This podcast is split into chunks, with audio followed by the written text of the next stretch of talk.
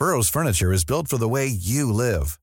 From ensuring easy assembly and disassembly to honoring highly requested new colors for their award-winning seating, they always have their customers in mind. Their modular seating is made out of durable materials to last and grow with you. And with Burrow, you always get fast, free shipping. Get up to 60% off during Burrow's Memorial Day sale at burrow.com slash ACAST. That's burrow.com slash ACAST. burrow.com slash ACAST. Millions of people have lost weight with personalized plans from Noom, like Evan, who can't stand salads and still lost 50 pounds. Salads, generally, for most people, are the easy button, right? For me, that wasn't an option. I never really was a salad guy. That's just not who I am. But Noom worked for me. Get your personalized plan today at Noom.com. Real Noom user compensated to provide their story. In four weeks, the typical Noom user can expect to lose one to two pounds per week. Individual results may vary. Planning for your next trip? Elevate your travel style with Quince. Quince has all the jet setting essentials you'll want for your next getaway, like European linen, premium luggage options, buttery soft Italian leather bags, and so much more. And it's all priced at 50 to 80% less than similar brands. Plus, Quince only works with factories that use safe and ethical manufacturing practices. Pack your bags with high-quality essentials you'll be wearing for vacations to come with Quince. Go to quince.com slash trip for free shipping and 365-day returns.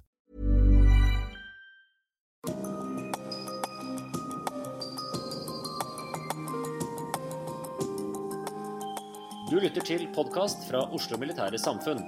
Besøk vår hjemmeside oslomildsamfunn.no, og se oss også på Facebook, Twitter og LinkedIn. Gode medlemmer og venner av Oslo Militære Samfunn, hjertelig velkommen til eh, kveldens foredrag. I dag skulle vi egentlig hatt to foredragsholdere. Men Stian Kjeksrud, eh, seniorforsker ved FFI, han har gått ned for telling med influensa. Så da er det bare Petter Lindqvist som er igjen. Han stiller sporty opp og tar eh, hele saken alene.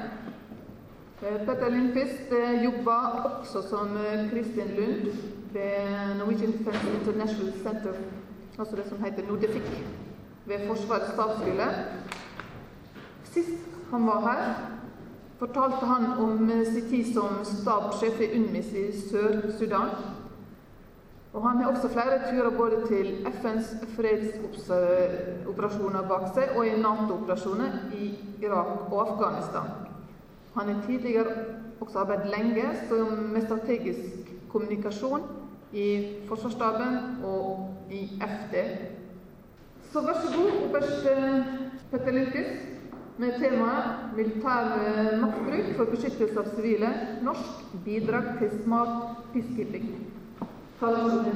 Tusen takk skal du ha, og takk for at jeg ble invitert. Eh, Som nevnt da, så blir dere snytt for et forrykende show med en forsker og en eh, oberst i Frides hus. Jeg får, jeg får klare meg alene i kveld. Eh, men eh, jeg har da de siste to årene, sånn omtrent siden jeg var her sist faktisk, arbeidet med ja, reformprosesser knytta til FN-operasjoner. Eh, Jeg har vært tilknytta Nodefik, eh, som da er tidligere Foker, som er kanskje mer kjent for flere i salen. Eh, Og jeg er også fortsatt tilknytta NUPI, Norsk utenrikspolitisk institutt, som militær rådgiver på en sånn inntil 50% basis der. Så det er det jeg fyller min hverdag og helg med, faktisk. Sånn er det. Det jeg skal bruke de neste 40-45 minuttene på, det er å dele med dere eh, litt kunnskap om et prosjekt som vi da har vært eh, involvert i, i samarbeid med FFI, eh, som dreier seg om beskyttelse av sivile, eh, i hovedsak i FN-operasjoner. Vi skal favne litt bredere og se på eh, at dette faktisk også gjelder Nato-operasjoner. Men publikasjonen vi snakker om, befatter seg med hvordan eh, vi bedre kan gjøre militære avdelinger og militærkomponenten i FN-operasjoner bedre i stand til å beskytte sivile. Eh, Dette er et forskningsbasert prosjekt som jeg skal komme litt mer tilbake til. I tillegg til det så skal jeg også dere eh, noen betraktninger som vi da mener kan være betimelige eh, når det gjelder kanskje en mulighet for å tenke nytt omkring norske bidrag til FN-operasjoner. FFI har, og la meg bare si det sånn, en del av eh, manuskriptet var jo egentlig tiltenkt en FFI-forsker. Eh, det er litt skrevet om. Eh, jeg har stort sett stått sammen med FFI og utarbeidet mye av dette her, men forskningen er jo sånn sett FFIs, FFIs fortjeneste, da. Men FFI har altså forsket på beskyttelse av sivile og bruk av militærmakt for å beskytte sivile i ulike situasjoner siden 2009. De tar ikke det tradisjonelle perspektivet på beskyttelse av sivile ut ifra et juridisk eh, eller krigens folkerettsståsted. Forskningen deres starter der respekten for krigens folkerett stopper. De tar for gitt at en eller flere aktører bevisst angriper sivile som en del av deres strategi, f.eks. Syria. Eh, og de prøver å forstå hvorfor og hvordan det er slik. Forskningsspørsmålet har alltid vært hva kan og kan ikke militære styrker gjøre for å beskytte sivile fra forskjellige typer trusler. Funnene baserer seg på en rekke tidligere konflikter og operasjoner. Kunnskapen har de pakket inn i en rekke produkter. Bl.a. et konsept som er tilpasset planprosesser i Nato, og som har fått mye oppmerksomhet i Brussel og i ACT, Natos transformasjonshovedkvarter i USA. Forskningen brukes bl.a. i Natos nye policy for beskyttelse av sivile, og eh, FFI er med på konseptutviklingen også i Nato som følge av denne. Og policyen den kom da ut i forbindelse med Warszawa-toppmøtet i sommer. Siden 2013 har FFI samarbeidet tett med Nodefik eh, på Forsvarets stabsskole om å utvikle konsepter som er tilpasset eh, FN-kursene som går der, og som dette prosjektet, som jeg nå skal fortelle litt mer om, er en del av. Det ser også ut til at vi faktisk er i stand til å klare nå å påvirke FNs retningslinjer for eh, dette området. Det skal vi komme litt mer tilbake til. Da får vi si at det er nok reklame for egen fortreffelighet, og da litt over til det faglige. Først på agendaen i dag eh, skal vi ta en avklaring på hva vi mener når vi snakker om beskyttelse av sivile. Eh, så hvorfor det er viktig å vite noe om dette for militære styrker, og hva problemet er i dag. Så vil jeg beskrive hvilke trusler våre forskerkolleger eh, mener sivile kan stå overfor i dagens konflikter gjennom åtte generiske scenarioer eh, som er utviklet for å fange hele spekteret av fundamentalt ulike typer trusler. Etter det vil jeg kort beskrive hva funnene sier om hvordan militærmakt kan brukes for å beskytte sivile i ulike situasjoner. Og det leder da inn mot en kort presentasjon av fellesproduktet, eh, den trusselbaserte tilnærmingen, som vi bare kort berører. Eh, og som da favner de fleste funn fra denne forskningen, som har gått da i snart eh, åtte år. Tilpasset FNs rammeverk for operasjoner. Eh, og så ser vi litt på hva denne type konsepter kan bety for norsk tilnærming til det vi kan kalle for smart peacekeeping. Modernisering av FN-operasjoner, som er en del av den nye langtidsplanen også. Først da, Hva er beskyttelse av sivile? Det finnes eller ikke en felles definisjon eh, i dag av hva beskyttelse av sivile er. Og ulike aktører tillegger det ulike meninger. I stort innebærer det at alle tiltak som kan redusere eh, de uønskede konsekvensene av krig for sivile og det sivile liv, kan omfattes av begrepet POC, beskyttelse av sivile, protection of civilians. En måte å samle de ulike lagene hvis vi kan kalle det det, av beskyttelse av sivile, og hva dette kan bety, er denne såkalte beskyttelsesløken. Innerst har man beskyttelse av sivile fra fysiske trusler. Så tilgang til livsnødvendige ting som mat, husly og medisin. Og deretter beskyttelse gjennom menneskerettigheter som rettssikkerhet, frihet fra overgrep, ytringsfrihet osv. Og til slutt, ytterst, ser dere, et såkalt 'protective environment', beskyttende omgivelser, der alle disse lagene ivaretas. Og ideelt sett da selvfølgelig av vertsnasjonen selv. Forskningen, inkludert dagens presentasjon, omhandler kun den innerste delen eh, av denne løken, fysisk beskyttelse. Der militærmaktens rolle er størst. Og det er flere grunner til dette som vi skal komme tilbake til underveis. Hvorfor er så dette viktig, og hva er problemet? La oss først se på viktigheten av dette. Fysisk beskyttelse kan ses på som det innerste, mest grunnleggende eh, laget av løypen som alle de andre lagene er helt avhengig av. Dersom sivile ikke kan beskyttes fra vold og krigsforbrytelser, er det lite sannsynlig at man også kan bygge fred.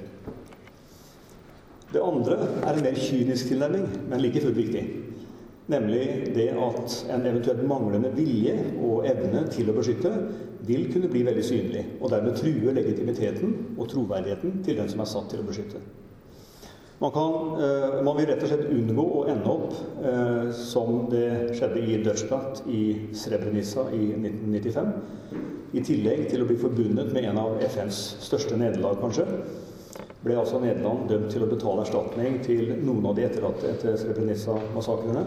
Og etterkommerne til 8000 ofre kan altså potensielt saksøke den nederlandske staten.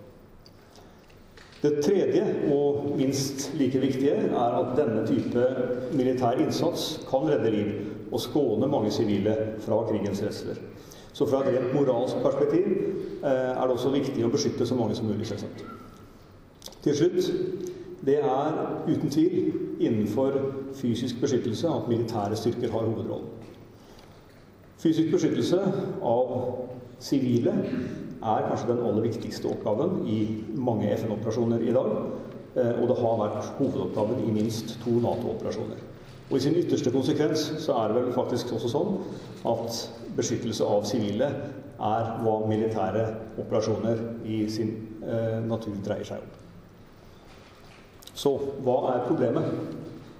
Til tross for denne vektleggingen og den større vektleggingen av oppgaven, så er sivile ofte ikke bedre beskyttet på bakken i dag.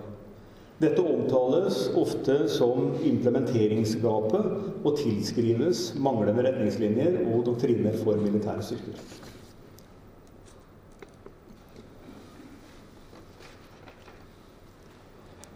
Dette gapet er mest kjent i forbindelse med FN-operasjoner, men vi vil også argumentere for at dette også gjelder Nato-operasjoner. Og For å illustrere dette har vi tatt med et eksempel fra Afghanistan her. Under McChrystal erkjente ISAF-styrken i økende grad at sivile tap var et problem for operasjonen. Eh, rundt 2009 eh, Hvis vi følger den kolonnen til venstre her, så ser vi at eh, i rundt 2009 eh, så ble altså beskyttelse av sivilbefolkningen gjort til et av de viktigste målene for operasjonen, etter at man i 2007 eh, ble bekymra for at dette var et alvorlig problem for operasjonen. Følger vi tallene nedover og ser på hva som skjedde eh, i 2009 25 altså ISAF-styrker og eh, afghanske eh, regjeringsstyrker. 2010 15% og 2011 17% Dette er altså mennesker som er drept som følge av operasjonene til ISAF og afghanske regjeringsstyrker. Man lyktes altså i stor grad med å redusere antallet sivile som ble drept av ISAF og afghanske styrker. Dette skjedde bl.a. gjennom begrenset close air support. Eh, det skjedde gjennom en begrensning av nattoperasjoner, night raids. Eh, og det skjedde også med etableringen av noe som ble kalt for en civilian casualty tracking cell under, eh, under direksjon fra, fra general McChrystal. Men hvis vi ser ut til høyre, da i samme periode så ble altså imidlertid dobbelt så mange drept av de sivile totalt. Så mens tallene drept av ISAF og afghanske regjeringsstyrker går ned, så ser vi altså at den samlede antallet drepte går opp i samme periode. Dette viser at den største trusselen mot sivile i dagens konflikter ikke kommer fra såkalt collateral damage altså uønskede konsekvenser av våre militære operasjoner. Den største trusselen kommer fra aktører som bevisst angriper sivile som en del av sin strategi. Og dette er altså da ikke bare et moralsk problem, men det blir etter hvert et militærstrategisk problem. Sivile bryr seg i liten grad om hvem de blir drept av, men det faktum at de blir drept.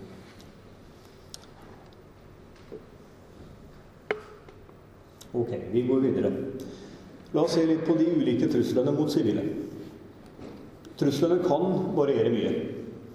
Og det betyr noe fordi ulike trusler krever ulike militære handlemåter. Dersom sivile skal beskyttes mest mulig effektivt. Derfor har man brukt mye av tiden i forskningen på å se på vold mot sivile. Forskerteamet har funnet at aktører som angriper sivile, kan analyseres gjennom fem parametere. Det første er motivasjon.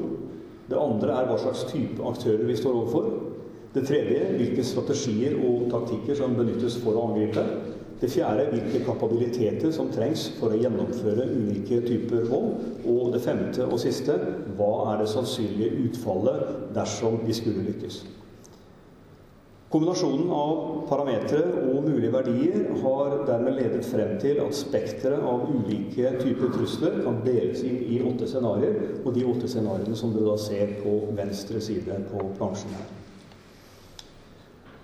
Vi kommer ikke til nå å gå inn på å beskrive innholdet i hver av disse, men bare å beskrive forskjellen på f.eks. For folkemord og etnisk rensing. Eh, begreper som har vært oppe bl.a. i forbindelse med Sør-Sudan og i mange andre sammenhenger i, eh, i media eh, med jevne mellomrom. Selv om dette er begreper som kanskje sauses litt sammen i mediedebatten, og kanskje også blant oss i uniform, så er forskjellen stor på bakken. Og for å si det veldig enkelt og brutalt under folkemord vil de fleste dø. Under etnisk rensing vil de fleste være på flukt. Det er den prinsipielle og grunnleggende forskjellen på de to scenarioene. Jeg skal komme litt tilbake til to-tre andre scenarioer eh, etterpå, men eh, så langt eh, om dette. Vi skal også være klar over at i realiteten i alle operasjoner så vil flere scenarioer foregå samtidig. Dette er generiske scenarioer som beskrives bare for å beskrive ett problem. Men i de aller fleste operasjoner så vil man se at Flere scenarioer vil utspille seg i det samme operasjonsområdet, eh, og i det samme området vil også scenarioet kunne endres, endre natur. Poenget er at ulike typer trusler i samme operasjoner betyr at man må prioritere hvem som skal beskyttes fra hva. Vi benytter også disse scenarioene for å utlede konsekvenser for militær planlegging og operasjoner. Forskningen viser at FN stort sett er involvert i kun tre av disse scenarioene. Det er de som er merket med den røde ramma her nå. Basert på en kartlegging av militære beskyttelsesoperasjoner i Afrika, 160 i tallet, i perioden 1994 til 2014, fant man at over 80% av dem foregikk i kun fem misjoner, fem FN-misjoner, og at de i over 90% av tilfellene dreide seg om det vi ser her, Commonwealth conflict, predatory violence og insurgency. Vi har ikke gode norske dekkende begreper på dette her, men hvis vi skal være eh, veldig overfladiske og beskrive det veldig enkelt Communal konflikt er ikke kommunal konflikt, det har vi nok av i Norge. Eh, det dreier seg her om stammesamfunn som ligger i eh, nærmest en kontinuerlig kamp eh, og konflikt med hverandre. Hvor et angrep både er en hevnaksjon fra et tidligere angrep, men samtidig også et forsvar mot nye angrep. Og Dermed så blir dette fort en spiral, som vi kan se f.eks. i Sør-Sudan. Predatory violence, opprørsgrupper som gjerne har gitt opp sine politiske ambisjoner, eh, og som stort sett lever på å plyndre, ødelegge, eh, lemleste, voldta, drepe sivilbefolkning. Eh, de fleste har hørt om Joseph Kony og Lord Resistance Army i grenseområdet mellom Kongo og Sør-Sudan, Uganda. Og det er stort sett i Kongo vi finner veldig mange eksempler på nettopp predatory violence. Insurgency, der er vel det mest kjente, det vi kjenner fra Afghanistan.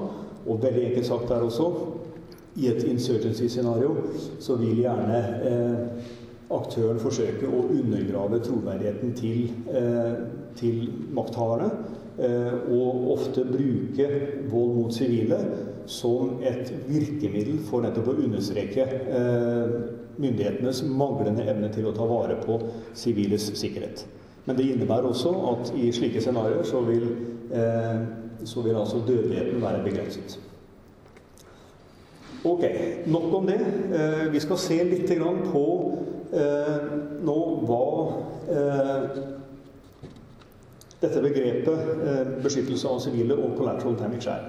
Bakgrunnen for min deltakelse i dette prosjektet det har jo nettopp vært erfaringene med eh, hvor krevende et oppdrag med å beskytte sivile er. Eh, UNMIS-operasjonen og Sør-Sudan har jo dreid seg om det, og i enda større grad de siste to årene. Og det er vanskelig, spesielt når man da verken har doktrine, konsepter, kampanjeplaner eller et annet felles rammeverk som binder komponentene sammen, og som man kan forholde seg til. Selv om jeg opplevde at kanskje nasjonale restriksjoner på bruk av eh, styrkene eh, var det største problemet, altså det vi kaller for caveats, så er jeg også trygg på at med et konsept som kan bidra til en mer effektiv bruk av styrkene, eh, så kan man altså komme veldig mye lenger med dagens FN-operasjoner. Hvorfor er da dette så vanskelig? Dere? La oss se en gang til på hva POC, beskyttelse av sivile, egentlig dreier seg om for militære styrker. Vanligvis forholder vi oss til en motstander eller en trusselaktør ved å vurdere denne i forhold til egne styrker. Det er jo det vi ser på plansjen her. Eh, dette er symbolisert ved at den sirkelen vi ser nederst til venstre, våre egne styrker. Den vi har oppe til høyre, rød, eh, en aktør, en trusselaktør, eh, en opprørsgruppe. Normalt, når det gjelder sivile,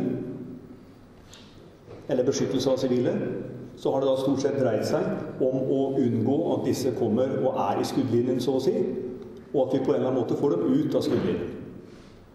Eh, beskyttelse av sivile har derfor gjerne blitt sett på som akkurat det. Å unngå collateral damage. Og da skulle alt være bra, da. Kanskje. Men protection of civilians er så veldig mye mer enn det. Når vi snakker om beskyttelse av sivile, dreier det seg om fysisk beskyttelse av sivile. Beskyttelse mot aktører som bevisst angriper sivile som en del av sin taktikk eller strategi. Jf. det vi allerede har vært inne på. Vurderingen av trusselaktøren blir dermed også noe annerledes. Den dreier seg da nemlig dere om forholdet mellom en trusselaktør og sivile.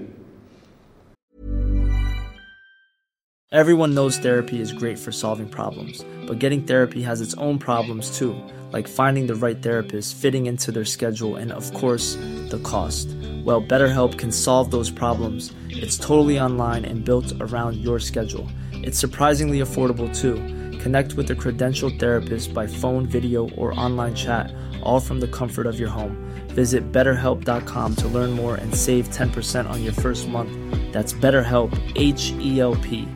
Burrow is a furniture company known for timeless design and thoughtful construction, and free shipping, and that extends to their outdoor collection. Their outdoor furniture is built to withstand the elements, featuring rust proof stainless steel hardware, weather ready teak, and quick dry foam cushions. For Memorial Day, get 15% off your Burrow purchase at burrow.com slash ACAST and up to 25% off outdoor. That's up to 25% off outdoor furniture at burrow.com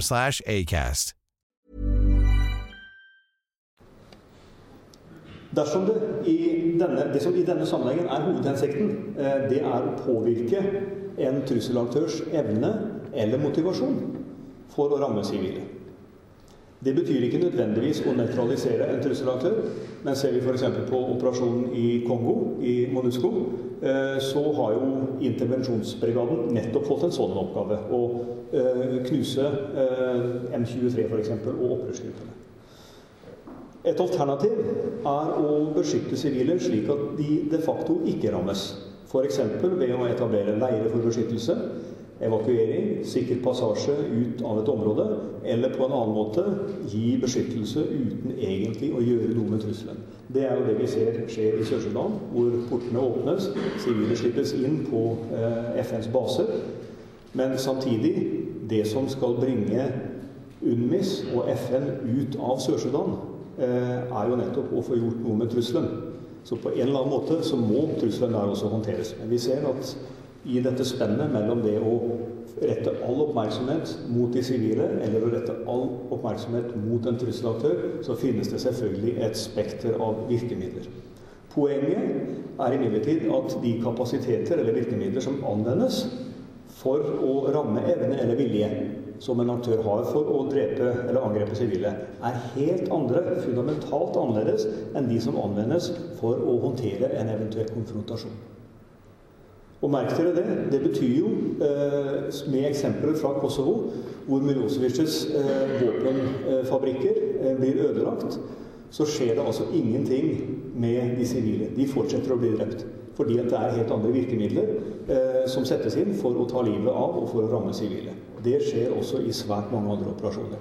Derfor er det så viktig å ha en klarhet i eh, denne forskjellen når man eh, forholder seg til en trusselanalyse og, og forholder seg til hvordan man skal håndtere en trussel.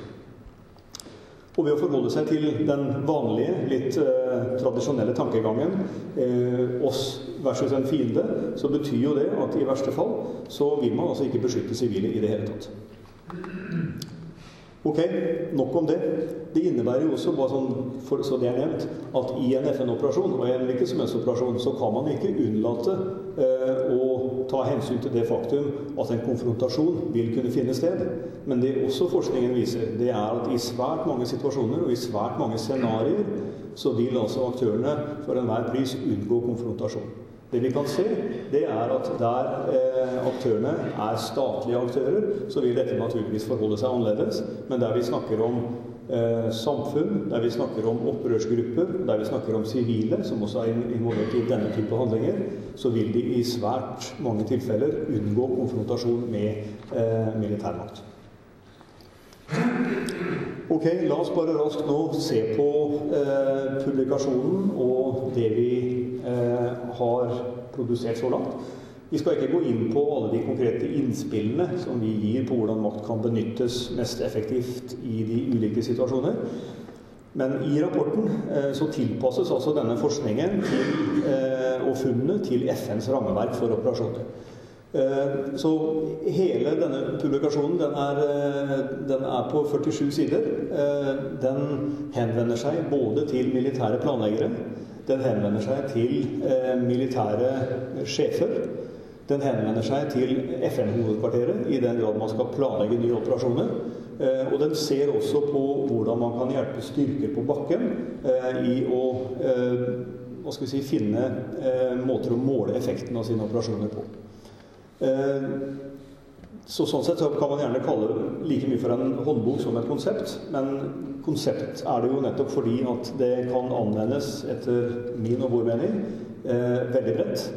Eh, vi har sagt at dette er noe som bør, bør, kunne anvendes av en militær komponent. Men jeg vil også hevde at dette er et konsept som veldig lett kan anvendes i analyseavdelinger i et, i et misjonshovedkvarter det som kalles for et Joint Military Assessment eller Analysis eh, Center eh, i et Joint Operations Center osv. Det er det jeg har tenkt å si om eh, denne publikasjonen. Scenarioene som vi nå har vært tidligere igjennom, de blir hele tiden brukt i alle kapitlene, slik at man eh, i hvert enkelt av disse kapitlene også kan se på hvordan eh, scenarioene er strukturert for å informere trusselanalyse, planlegging, taktiske responser og måling av effekt. Da har jeg tenkt at vi skal gå litt videre og se på hva lærdommene fra dette arbeidet eh, har gitt oss av betraktninger om hvordan vi kan bruke dette i Norges tilnærming til, moderne, til modernisering av eh, FN-operasjoner. La oss da først ta et blikk på hva FN-operasjoner har endret seg til å bli. Tidligere, og det er kjent for mange i salen, ble FN-styrker satt inn og brukt for å overvåke fredsavtaler. Monitorering, observasjon, rapportering. Maktbruk i selvforsvar. Statiske deployeringer. Ansvarsområder der enkeltnasjoner ofte var enerådende. Begrenset behov for interaksjon og samvirke. Militær overskuddskapasitet som kunne vies f.eks. til humanitær innsats. Svært mye er annerledes nå. FN-styrkene deployerer inn i pågående konflikter. Det er ingen fred å bevare.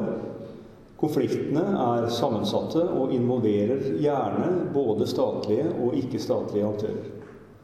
Statlige styrker utgjør ofte en alvorlig trussel mot sivile. Overgripere lever ofte tett på sivile, sårbare grupper, noe som gjør det vanskelig å skille dem eller å gripe inn tidsnok med militære virkemidler. Bruk av barnesoldater skaper usikkerhet om militær maktbruk, både på strategisk, operasjonelt og taktisk nivå. Mye er forskjellig fra 80- og 90-årene, da det vestlige engasjementet var på topp, som f.eks. For, for vårt vedkommende i Sør-Libanon. Snakker vi om fredsoperasjoner i dag, dere, snakker vi om Afrika. Sånn vil det nok fortsatt være en stund, ved siden av Midtøsten selvfølgelig. Operasjonsområdene er enormt store. Landområdene på størrelse med Afghanistan, 600 650 000 kvadratkilometer, er ikke uvanlig for en FN-operasjon. Dekkes av styrker på i dag fra 12 til 20 000 soldater. På det meste hadde vi i Afghanistan over 150 000. Mandatene har blitt krevende. FN-styrkene forventes å være involvert i alt fra stabilisering, avvæpning, reintegrering av væpnede grupper, sikkerhetsreformer, sikkerhet i forbindelse med valg, støtte til etablering av lov og orden og å beskytte menneskerettigheter. Dette krever mye kompetanse, det krever mye koordinering. Det krever mobilitet, respons, fleksibel maktbruk, evne til å operere i asymmetriske omgivelser. Og det krever ny teknologi. Kort sagt det krever alt det vi har tilegnet oss av erfaringer i operasjoner siden midten på 90-tallet. Antallet soldater i FN-operasjoner har aldri vært høyere enn i dag. Over 100 000 soldater, kvinner og menn, fordelt på 16 fredsoperasjoner, fredsbevarende operasjoner, ni av dem i Afrika. De store bidragsytende landene er fra Asia og Afrika. 60-80% av de styrkene som er på afrikansk jord, er også fra afrikanske land. Dette er styrker som ikke har de erfaringer som vestlige styrker har fått gjennom nettopp de siste tiårene med operasjoner på Balkan, Irak, Afghanistan. En fremtredende FN-ansatt sa til oss i et møte i New York i fjor The Asian countries are capable but not willing. The Africans are willing but not capable. And the West just wants to pay themselves out of trouble.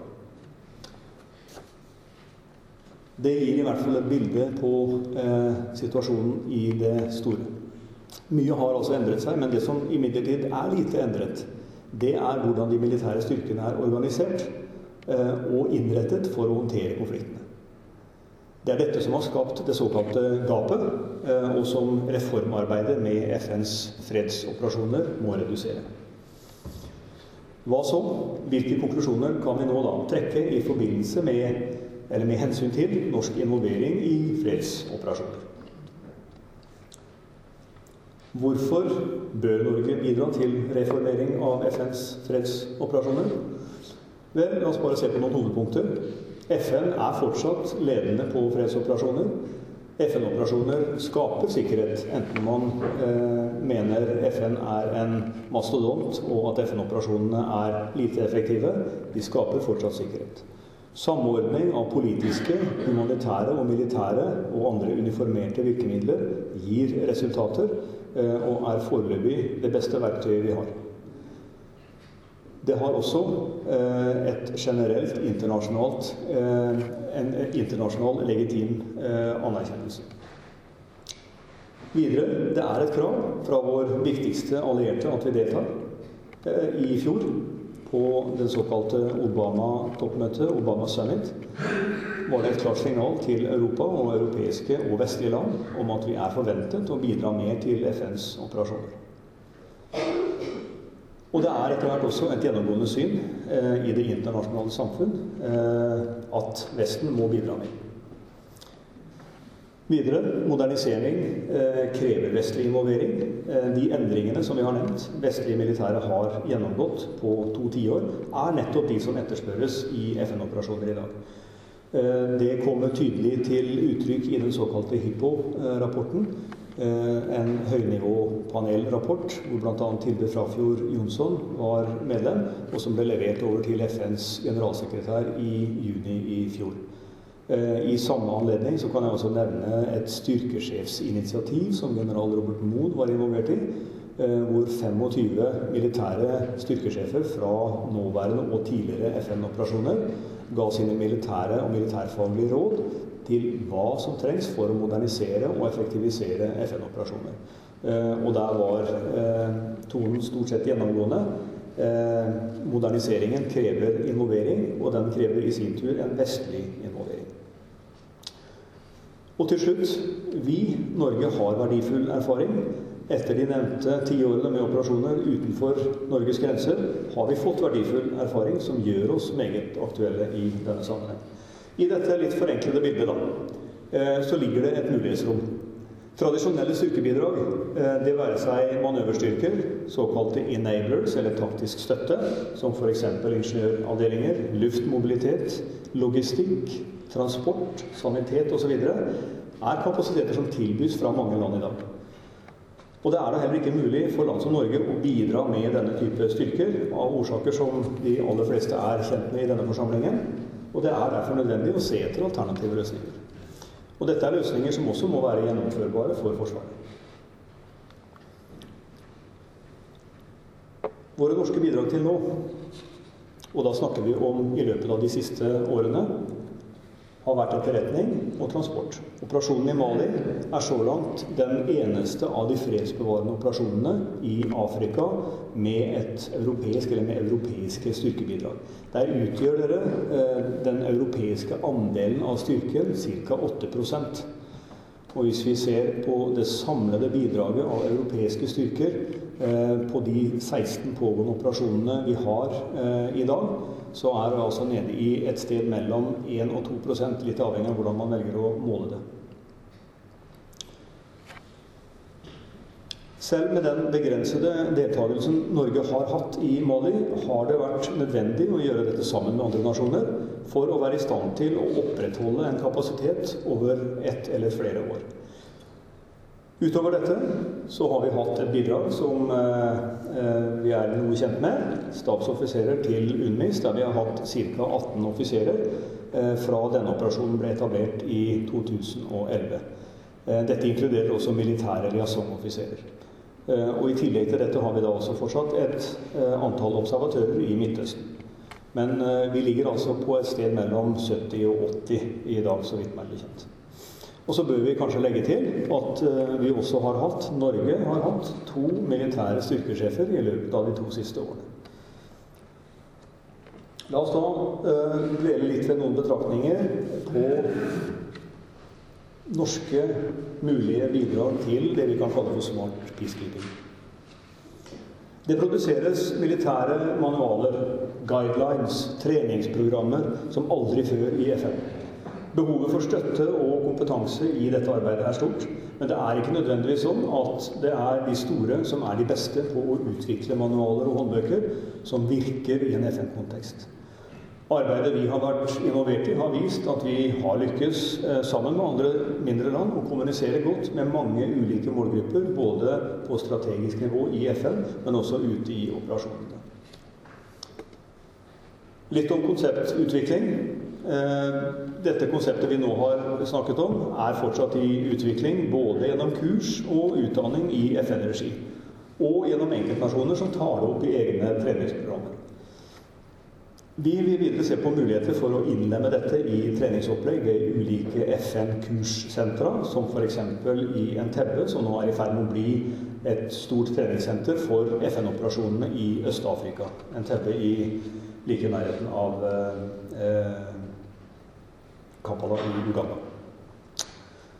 Det kjøres også kurs for eh, FN-personell ved Nodefik. Det faglige innholdet her styres fra FN-hovedkvarteret og gjennomføres med instruktører fra Nodefik Norge og selvfølgelig mange andre land. Nodefik har gjennom samarbeidet sitt med FN-hovedkvarteret også fått god innsikt i det vi kan kalle for FNs indre liv, og det har gjort det mulig å bidra også med nye konsepter. Det utvikles bedre kurs for FN-personell ved NODEFIC ved å kombinere forskning, konseptutvikling eh, og utdanning. Ved å jobbe på denne måten, nedenifra og opp, eh, har man altså oppnådd praktiske og enkle verktøy som er sterkt etterspurt i misjoner med et eh, mandat som går ut på å beskytte sivile. Vi kan også se, på det på den måten at det har vært jobbet ovenifra og ned. Eh, vi har påvirket måten FN-operasjonene tilnærmer seg beskyttelse av sivile på. Eh, vi har støttet nå i utarbeidelsen av retningslinjer, det som kalles for guidelines i FN-hovedkvarteret, og policydokumenter, der også Norge har bidratt med råd på dette området. Alt dette bygger jo selvfølgelig på FNs egne retningslinjer og policy, men poenget er at eh, vi i hvert fall har kommet langt i å kunne gi råd og veiledning på dette. Og det jeg og vi mener, er at dette også vil kunne bidra til en felles trusselforståelse eh, i operasjonssammenheng. Eh, det er også noe som er påpekt som kanskje en av de viktigste målsettingene man bør ha for effektivisering av FN-operasjoner i årene som kommer. Konseptet har hatt innflytelse på US State Department og på amerikansk tilnærming til FN-reform. Det vil selvfølgelig kunne forandre seg med en ny administrasjon, men samtidig eh, dette er et verktøy til forbedring. Eh, og det er så langt ikke så veldig mye som tyder på at eh, også den nye administrasjonen vil være kritisk til akkurat forbedringer av FN-operasjoner. Vi har også blitt involvert i utviklingen av etterretning i FN. Både gjennom tidligere deltakelse i det som kalles for ASIFU, All Sources Information Fusion Unit, en enhet som ble etablert i MINUSMA i Mali eh, for noen år tilbake. Eh, hvor hensikten var å forbedre operasjonen på innhenting av operasjon, eller av informasjon eller etterretning på operasjonelt og taktisk nivå. Her har Norge eh, spilt en eh, instrumentell rolle. Både i utarbeidelsen av arkitekturen for ASIFU, eh, men også i bemanningen og gjennomføringen av hvordan ASIFU har arbeida. Og det ble jo da for Norges eh, vedkommende eh, terminert i november i fjor, for ca. et år siden. Foreløpig så ligger det an nå til at eh, Norge vil bli gjennom Nodefik, involvert i kursvirksomhet for etterretning. Og også en arbeidsgruppe som vil se på kompetanseutvikling knyttet til etterretning i FN. Rammeverket for policy på etterretning i FN er fortsatt under utarbeidelse. Og jeg må vel også få lov til å tillegge det at eh, bare eh, begrepsbruken knyttet til etterretning er gjenstand for eh, fortsatt eh, store diskusjoner. Som dere vet, og som vi vet, så er stort sett begrepet assosiert med nasjonal etterretning. I FN-operasjoner dreier det seg om noe helt annet. Eh, men nettopp fordi at i etterretningsprosessene er så mye som er felles, så har man altså adoptert en del begreper. Noe som også bidrar til å vekke følelser. Det skaper forvirring, det skaper assosiasjoner som man kanskje ikke ønsker å ha med seg inn i FN-operasjoner. Men uh, uansett, Norge har i hvert fall uh, gjennom POC-arbeidet blitt invitert til å ta del også i dette. Moderniseringen av FN-operasjoner inkluderer også innføring av ny teknologi. FNs pilotprosjekt, som kalles, eller ett pilotprosjekt som kalles Mobile Patrol Reporting, MPR, er et av de nyeste eksemplene på akkurat dette. MPR muliggjør innhenting av nøyaktig stedfestet informasjon om flere typer hendelser, inkludert overgrep og trusler mot sivile, samt trusler mot FNs egne styrker. Dette skjer via en håndholdt enhet basert på smart teknologi. Stadfestet informasjon kan dermed nyttiggjøres i et geografisk informasjonssystem som tilrettelegger for analyse og visualisering av utviklingen i trusselbildet, og dermed også bidrar til tidlig varsling før situasjoner eskalerer til vold mot sivile eller angrep mot egne styrker. Informasjonen muliggjør også en tilnærmet sanntidsinnsvart situasjonsoversikt som da igjen kan øke FNs generelle evne til å operere i mer komplekse konfliktområder. MPR kan dermed også være et viktig bidrag til forbedret etterretning i FN-operasjonene. Og her også er Norge nå eh, invitert til å ta del i dette prosjektet. Og vi ser jo for oss at dette er, er tre prosjekter som eh, griper veldig godt eh, i hverandre. Prinsipielt, når det gjelder kapasitetsbygging, så kan vi se for oss flere ulike tilnærminger. Kapasitetsbygging kan skje mot enkeltnasjoner. Det kan skje i en ren FN-ramme, eller det kan skje i en regional sammenheng. Som f.eks. mot AU eller andre regionale organisasjoner. Mobile treningsteam er en mulighet som vi har hatt erfaring med i Nato-sammenheng i mange år, og anvendt mot troppebidragsytende land til FN og FN-operasjoner, mot treningssentra, eller direkte der også i utvalgte FN-operasjoner. Kort litt om eh, hva som kan ligge i partnering og mentorering her.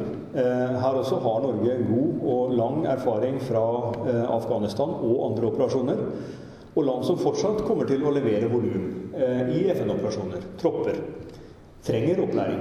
Opplæring i bruk av moderne teknologi, men også opplæring i taktikk. Opplæring i anvendelse av styrker, opplæring i eskalering av maktbruk osv. Mange av dagens troppebidragsytere har begrenset erfaring i internasjonalt samvirke.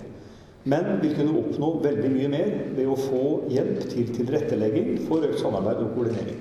Både før deployering, men også i operasjonene. Mentorering eh, er også noe som kan gjennomføres i pågående operasjoner. Der man kan deployere ut med en styrke og bistå under hele eller deler av en deployering.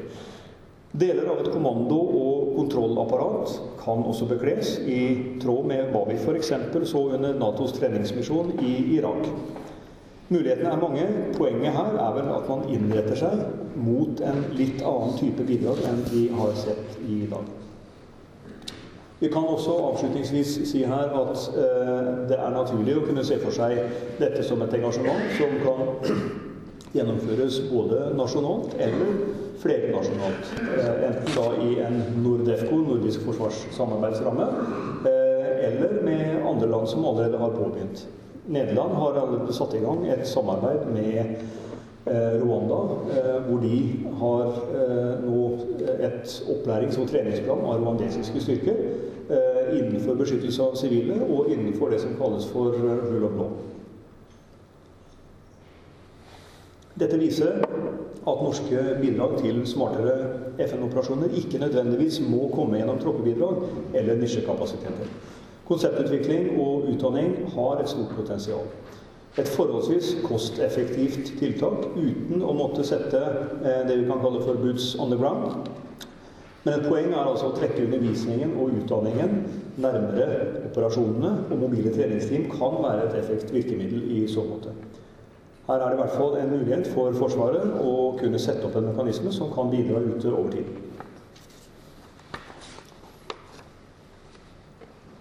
På tampen skal vi bare se litt på utfordringene ved dette. Noen poenger, i hvert fall. Eh, påvirkningen av og påvirkning av FN-operasjoner vil ta tid. Det har vi sett i alle sammenhenger. Videre det er mange om beinet. Norge er ikke alene om å søke politisk innflytelse gjennom andre typer bidrag, selv om de fleste er Nato-medlemmer og dermed ikke nødvendigvis har veldig forskjellige tilnærminger. Nederland er et eksempel. Canada har vi hørt har kommet med løfter om å bidra med inntil 650 soldater og 40 millioner dollar årlig.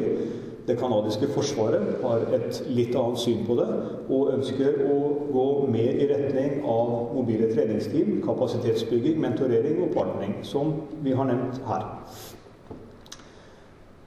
Det kan være krevende å markedsføre. Eh, med det mener vi at eh, et, et troppebidrag, et styrkebidrag, eh, à la det vi så ingeniørbidragene som har vært ute, sanitetselementer som har vært ute, kan være med politiske øyne lettere å høste gevinster på på kort sikt.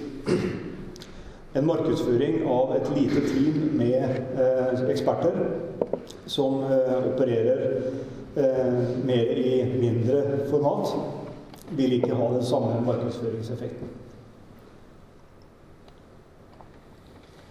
Og til slutt, når det gjelder viljen FN-operasjoner har vel ingen god resonans i Forsvaret i dag. Det har vært, eh, og er fortsatt for de spesielt interesserte. Men dog med mindre belastninger på Forsvaret eh, i forbindelse med eh, bidrag, så kan det kanskje være at det også vil påvirke viljen. Oppsummert Det vi anser å være en mulig og farbar vei for norsk innsats mot fredsoperasjoner, er altså kort sagt mentorering, partnering, trening mot enkeltnasjoner, mot enkeltoperasjoner, som en del av FNs egne treningssentra før deployering, men også med muligheter for å drive aktiv støtte under operasjoner. Konseptutvikling, fortsatte bidrag med nye konsepter og ideer innenfor FNs rammer og prinsipper, som bidrar til at FN vil kunne fortsette uten å utfordre sine grunnleggende prinsipper. Og med et fokus på Afrika-Midtøsten. Tyngdepunktet ligger muligens fortsatt i Afrika. Midtøsten kan fort bli aktuelt igjen, og gjøre det helt nødvendig for oss å innta en mer aktiv rolle. I dette ligger det en tilnærming som eh, vel kanskje er idealistisk. Eh, effektivisering av FN-operasjoner ved å bidra til at styrkene brukes smartere uten å bryte prinsippene. En pragmatisk tilnærming. Ved å tenke nye konsepter så søker vi også å påvirke regionale aktører, som f.eks. AU eller East African Standby Force eller andre. Det er Hvorom alt er lite realistisk å tro på en vestlig retur til FN-operasjoner à la det vi har sett på 70-, 80- og 90-tallet. Det er også eh, i våre øyne en grad av realisme i dette. Det er kunnskap og erfaring Forsvaret har. Eh, og det vil kunne gi gevinster, og det kan tilpasses. Avslutningsvis, det jeg håper vil kunne være det dere tar med fra eh, disse minuttene i dag Beskyttelse av sivile er viktig av mange grunner. Norge bør tenke annerledes rundt bidrag til FN-operasjoner. Og det er viktig å utvikle og beholde kunnskapsmiljøene vi har i Forsvaret over tid. Takk for oppmerksomheten.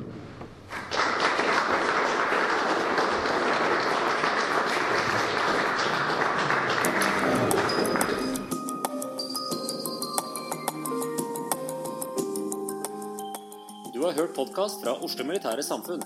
Besøk vår hjemmeside oslomildsamfunn.no, og besøk oss gjerne på sosiale medier som Facebook, Twitter og LinkedIn.